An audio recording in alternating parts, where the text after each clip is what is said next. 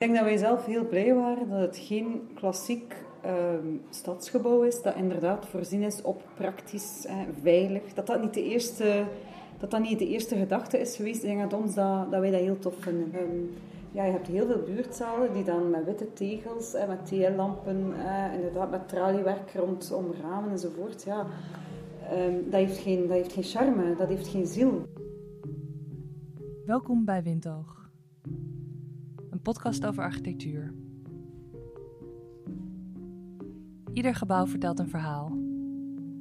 Een architectonisch manifest, een gestrande droom, een uitkomst van een toevallige samenloop van omstandigheden. In gesprek met opdrachtgevers, gebruikers en ontwerpers gaat Windoog op zoek naar de feiten en ficties die besloten liggen in de hedendaagse architectuur. Mijn naam is Sereen Dias en samen met Elsbeth Ronner Bart Ritsmans en Petrus Kemme maakte ik deze aflevering over de standaardsite in Gent. Luister mee naar het verhaal over het faillissement van de oudste doe-het-zelfzaak van de stad.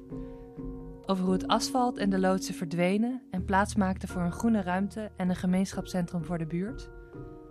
Over hoe het project tot stand kwam dankzij initiatief uit de wijk Ledenberg in samenwerking met de stad Gent. En over de ambitie van de architecten om een broos gebouw te maken.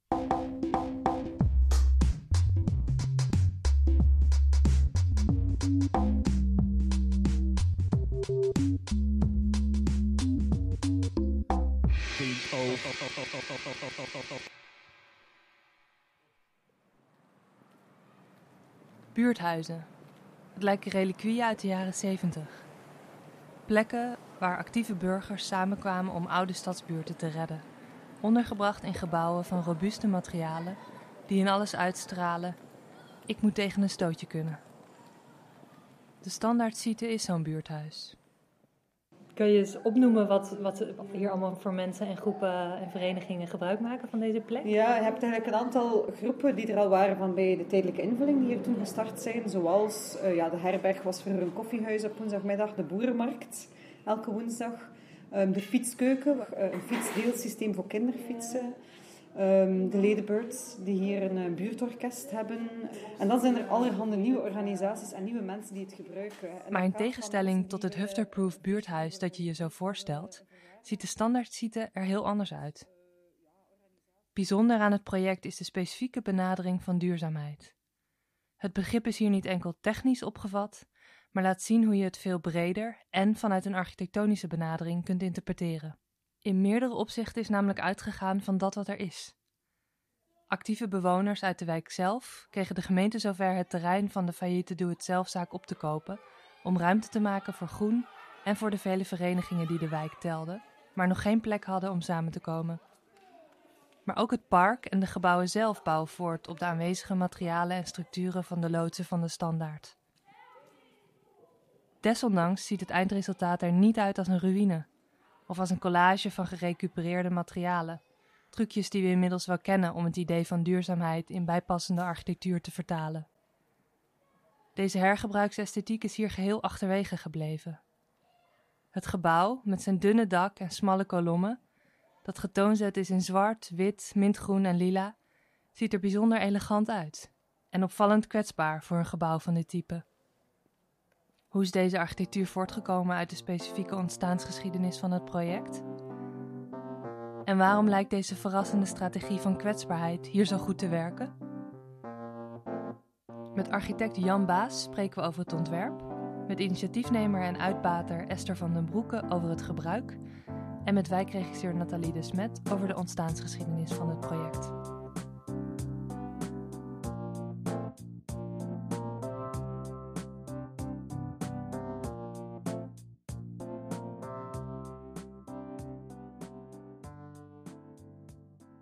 Jan, zou je jezelf misschien kort voor kunnen stellen als eerste?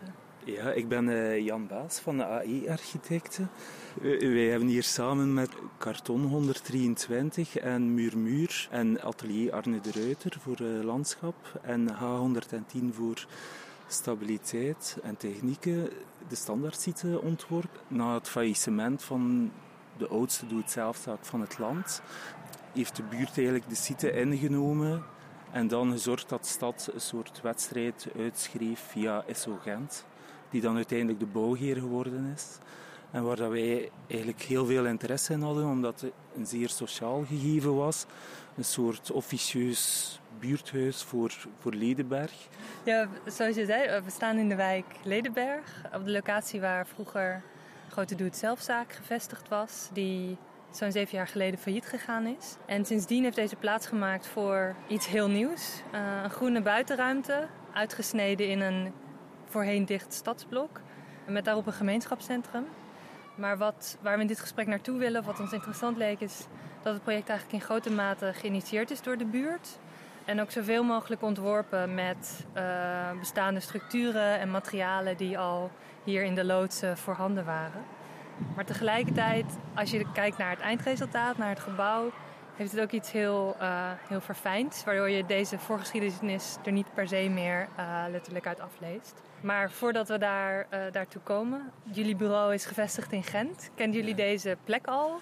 Ja, um, voor de, onze eigen verbouwing zijn wij hier ook eigenlijk om multiplexplaten nog geweest. Het is nu een hele grote open ruimte, maar hoe zag het eruit toen het nog uh, de doe-het-zelfzaak was? Um, eigenlijk een beetje naar analogie van Ledenberg zelf. Dat was hier heel mineraal, dus dat was hier volledig parking asfalt.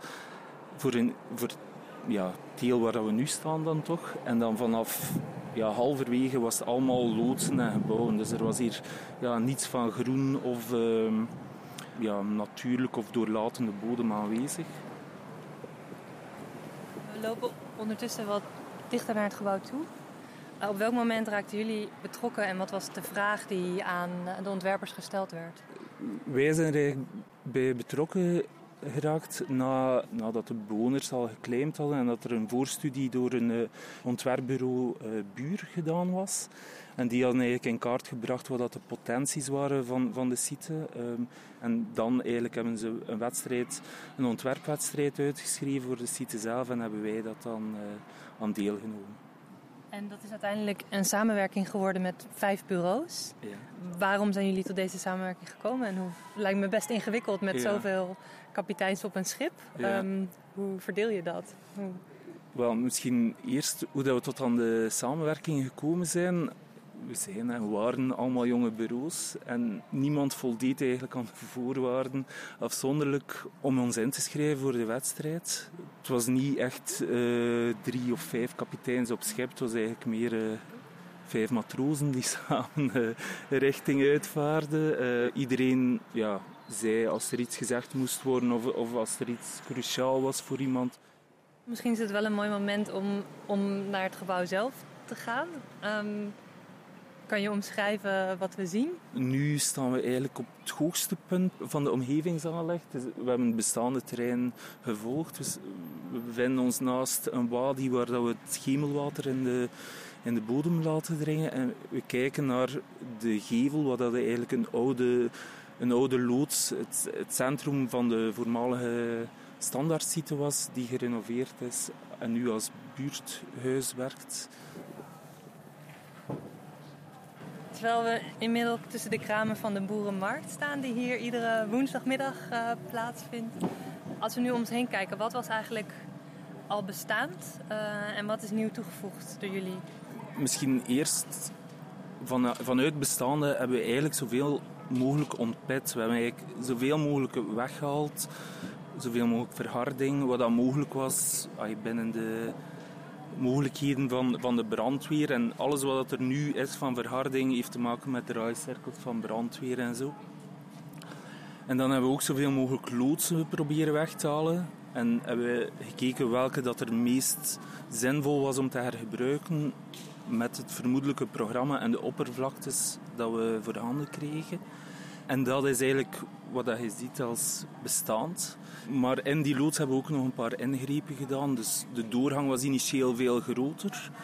Uh, en we hebben dan afgewogen wat dat volgens ons minimum was om eigenlijk een aanvaardbare publieke doorgang te creëren. Waar dat we toch eigenlijk zoveel mogelijk programma konden genereren in het gebouw. Jan neemt ons mee het gebouw in. Onder het grote overstekende dak bevinden zich twee verdiepingen. De begane grond is volledig transparant, doordat er rondom ramen geplaatst zijn. De verdieping is juist meer gesloten. In het verlengde van het betonnen pad over het terrein is een dubbelhoog gat uit het gebouw gesneden. Deze poort verbindt de twee zijden van het park en snijdt het gebouw op beide verdiepingen in tweeën, waardoor vier ruimtes ontstaan: twee beneden en twee boven. Belangrijk voor ons na het afbreken van de muren die hier gedeeltelijk nog waren, was dat we een soort open betonskelet, wat dat eigenlijk het idee van een extra vert gebouw op het gelijkvloers, waar dat je de relaties met het park, maar ook binnen, buiten, sociale controle, waar dat, dat allemaal aanwezig was, kon met schrijnwerk. Ook die ontmoetingsplekken daarop maken daar eigenlijk wel wat deel van uit. En wat is hierboven? Uh, misschien nog een keer naar boven gaan. Hier zijn we ehm, op de verdieping aan de grootste workshop. Een soort polyvalente ruimte die eigenlijk ja, zowel fanfare herbergt als lezingen, als uh, yoga-workshops. Eigenlijk, je kan het zo niet bedenken of het vindt hier plaats. Beneden wordt de sfeer van de ruimtes bepaald door ruw beton, dat deels nog uit de oorspronkelijke loods stamt. De twee ruimtes boven zijn veel zachter afgewerkt, met lichte houten platen Dunne, papierachtige spanten ondersteunen het dak. Terug buiten zien we dat langs vrijwel de gehele gevel een lange houten bank gemaakt is. Door het uitstekende dak kun je hier uit de zon en regen plaatsnemen, ook op momenten dat het gebouw zelf gesloten is. Het zwarte dak is lichtjes over het witte gebouw gedrapeerd en wordt aan beide zijden ondersteund door zes ronde, ranke kolommen. Hun fijne maatvoering sluit aan bij de precieze detaillering van het hout van de bank en de kozijnen.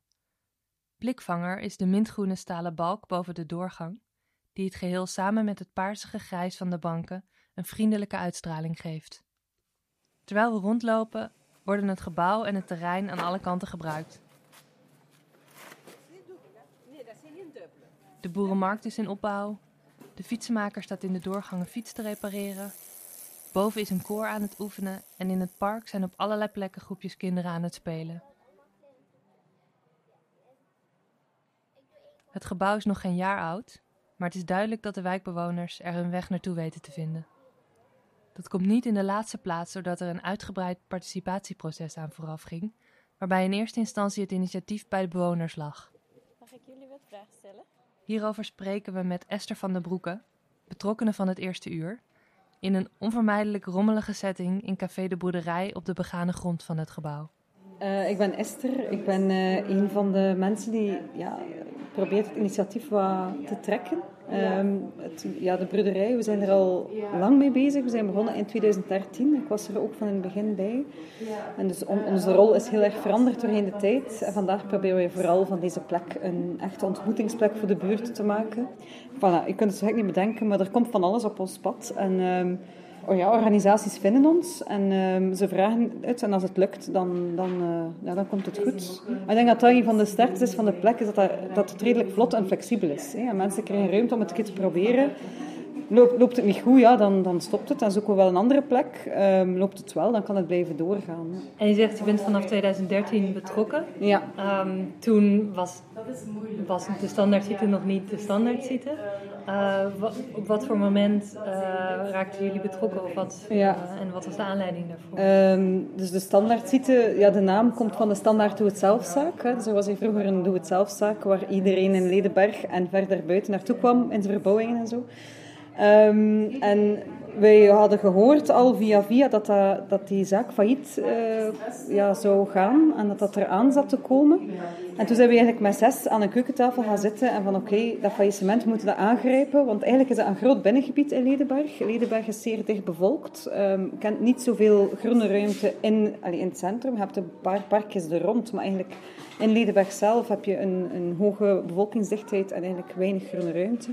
Dus dachten we van kom, we moeten eigenlijk vragen aan de stad om hier een park, een groene plek voor de buurt van te maken, een ontmoetingsplek. Um, dan hebben we eigenlijk een jaar lang geprobeerd de stad te overtuigen om dat hier aan te kopen, want in het begin um, waren ze daar eigenlijk niet van plan. Zes, dan zijn we, hebben we toegewerkt naar een volksvergadering waar er al, uh, ik denk, 200 mensen naartoe gekomen zijn om samen na te denken over deze plek. Dan hebben we een petitie gestart, waar we dan na twee maanden 2000 handtekeningen hadden om naar de burgemeester te gaan enzovoort. En ik denk een jaar na datum, een jaar nadat wij gestart zijn, kregen we dan nieuws dat de stad ze toch zou kopen. Eigenlijk drie vragen aan de stad om hier een groene verkeersvrije buitenruimte van te maken.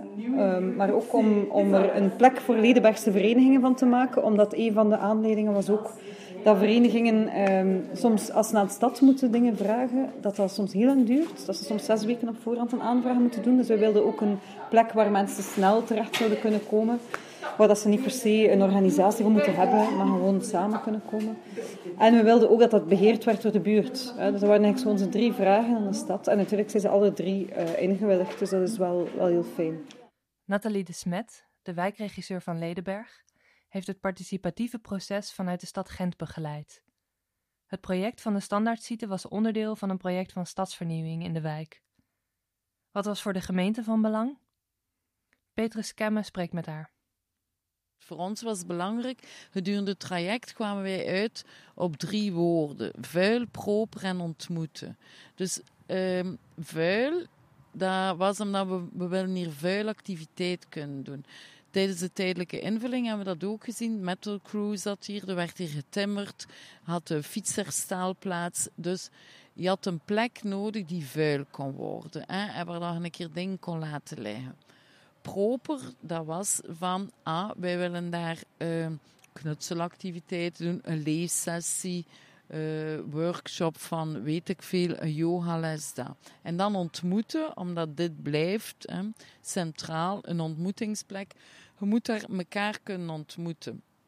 Ontmoeten is ook zeer divers. Hè. Voor de ene is dat het graag. Je ziet dat soms het mensen dan ze zitten alleen en ze zijn rond aan het kijken om alle klapjes te doen. En je hebt andere mensen die zeggen: Ik wil hier op mijn gemak zitten, zonder dat ik mijn koptelefoon moet aandoen en mijn kop over mijn hoofd wil trekken. Maar dat ik weet van ik kan daar zitten op mijn gemak, wil ik rondkijken. Dat is voor mij ook ontmoeting. Ik zoek wel ontmoeting met mijn ogen. Um, de standaardsite is, zoals u zegt, uh, tot stand gekomen omdat er vraag was naar een, een, een, een laagdrempelige ontmoetingsplek. Mm uh, hoe heeft zich dat vertaald in, hoe dat de site er uiteindelijk uit is gekomen uit het hele ontwerpproces? Het dus de, de, de twee toegangen al, al zeker, hè, vind ik het uitnodigend erop gelet dat er herkenbaarheid is van de voormalige site. En dat uithangbord die daarboven aan de Hovenierstraat hangt en zo behouden geweest. Die brede toegangen zijn behouden. Uh, ja, de padenstructuur leidt eigenlijk tot hier. Het uh, groenelement die hierin zit, het um, voorzien van banken, zitelementen die gekoppeld zijn aan de broederij, maar waar dat je toch ook gewoon kunt vertoeven zonder u verplicht te voelen om binnen in de herberg iets te gaan verbruiken. Het feit ook dat je zomaar in de herberg kunt gaan en ook geen druk voelt om uh, te moeten consumeren, maar daar gewoon kunt zijn. Het is ook opvallend dat voor een, een, een publieke plek midden in een, in een, in een, ja, in een woonblok, in een, in, een, mhm. in een woonwijk, dat de toegangen open zijn gelaten en dat het, dat het echt een, een, een publieke plek is gebleven, een soort doorgang ook van ja. de ene straat naar de andere, uh, zelfs onder het gebouw door. Ja. Uh, is, daar, is daar zware discussie over geweest op, op beleidsniveau, van willen we op die plek zo open houden? Moet die s'nachts niet afgesloten worden? Um, nee, er zijn er eigenlijk geen zware discussies over geweest. Ik denk dat zwaarder discussies waren met bewoners en het verantwoorden waarom we het open lieten. Omdat in Gent hebben wij um, eigenlijk al, al jarenlang een, een traditie of een, dergelijk beleid van het openlaten van parken. Ik denk dat er maar één park in een tijd afgesloten geweest is en dat was het Luizengevecht op de Brugse Poort, omdat er dan wel echt uh, problemen waren met drugsgebruik en zo. Maar uh, wij sluiten geen parken. Uh, misschien.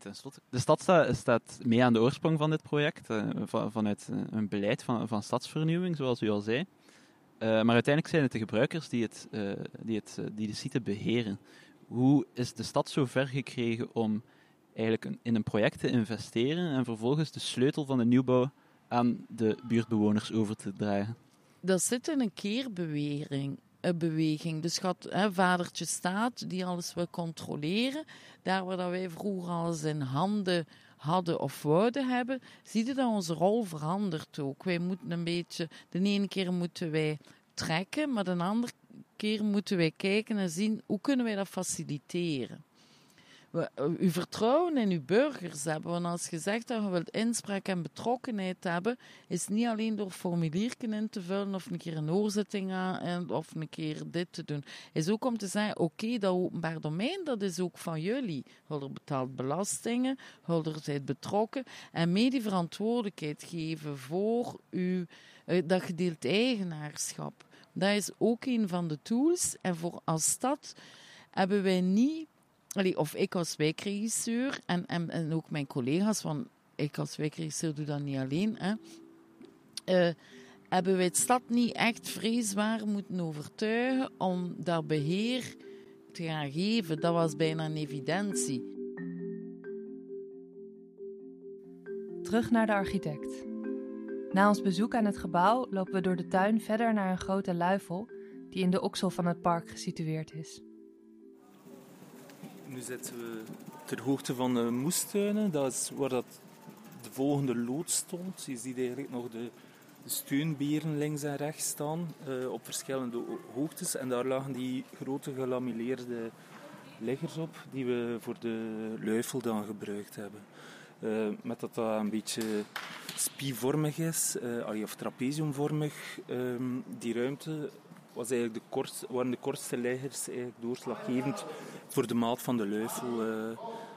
En um, eigenlijk in je verhaal komt het voortbouwen op de bestaande materialen terug op verschillende manieren eigenlijk. Wat ook in de context van een oude doe-het-zelfzaak natuurlijk een heel, maakt de cirkel heel mooi rond.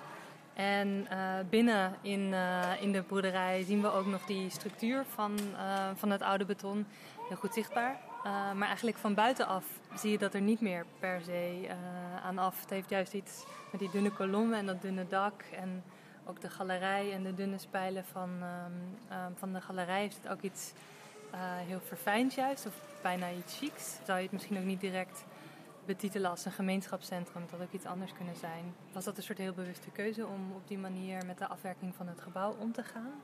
Hoe, hoe kwamen jullie daartoe?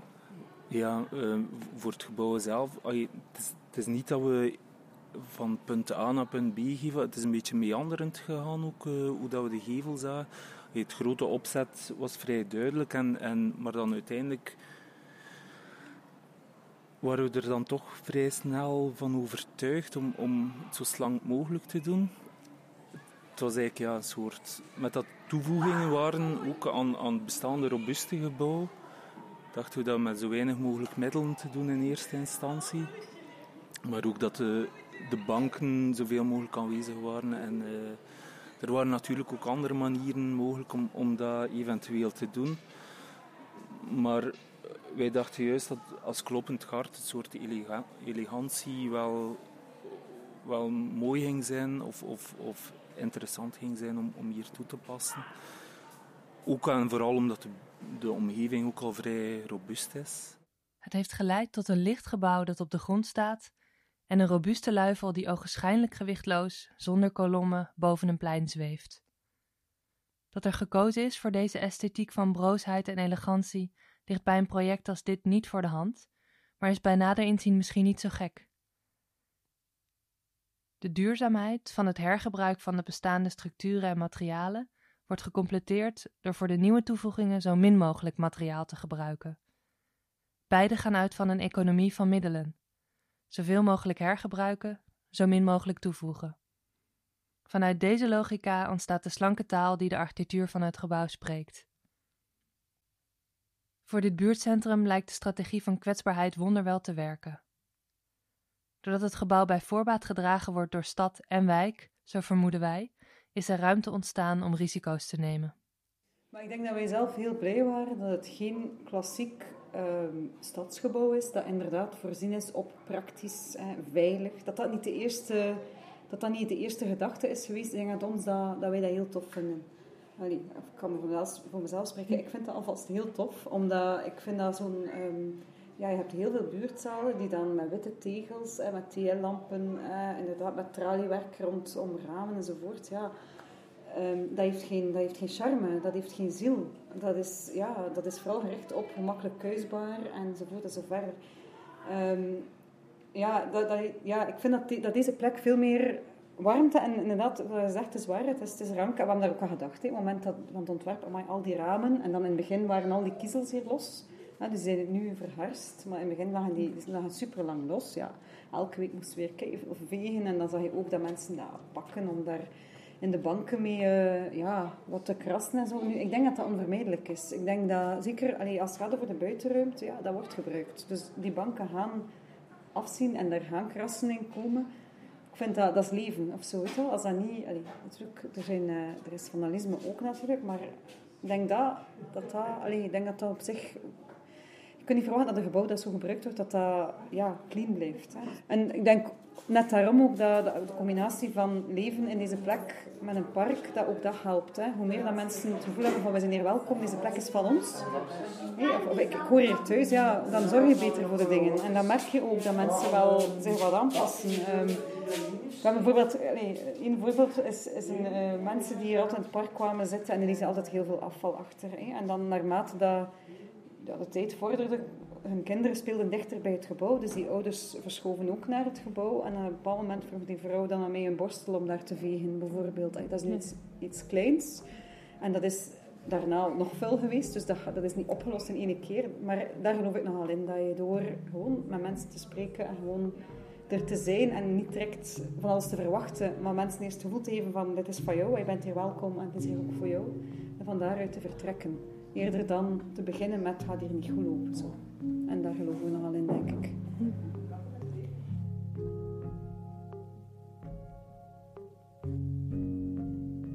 Dit was Windoog.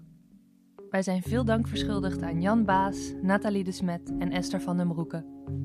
De redactie en productie van deze aflevering zijn gedaan door Elsbeth Ronner, Petrus Kemme, Bart Ritsmans en door mij. Verder bestaat de redactie uit Saskia Naafs en Stef Boogaerts. Mixage werd gedaan door Lieven Heremans, de muziek is van Waldorf, het grafisch ontwerp van Team Thursday en de website door Jurgen Belien. Deze aflevering van Windoog werd mede mogelijk gemaakt door het Stimuleringsfonds voor Creatieve Industrie en het Vlaams Architectuurinstituut.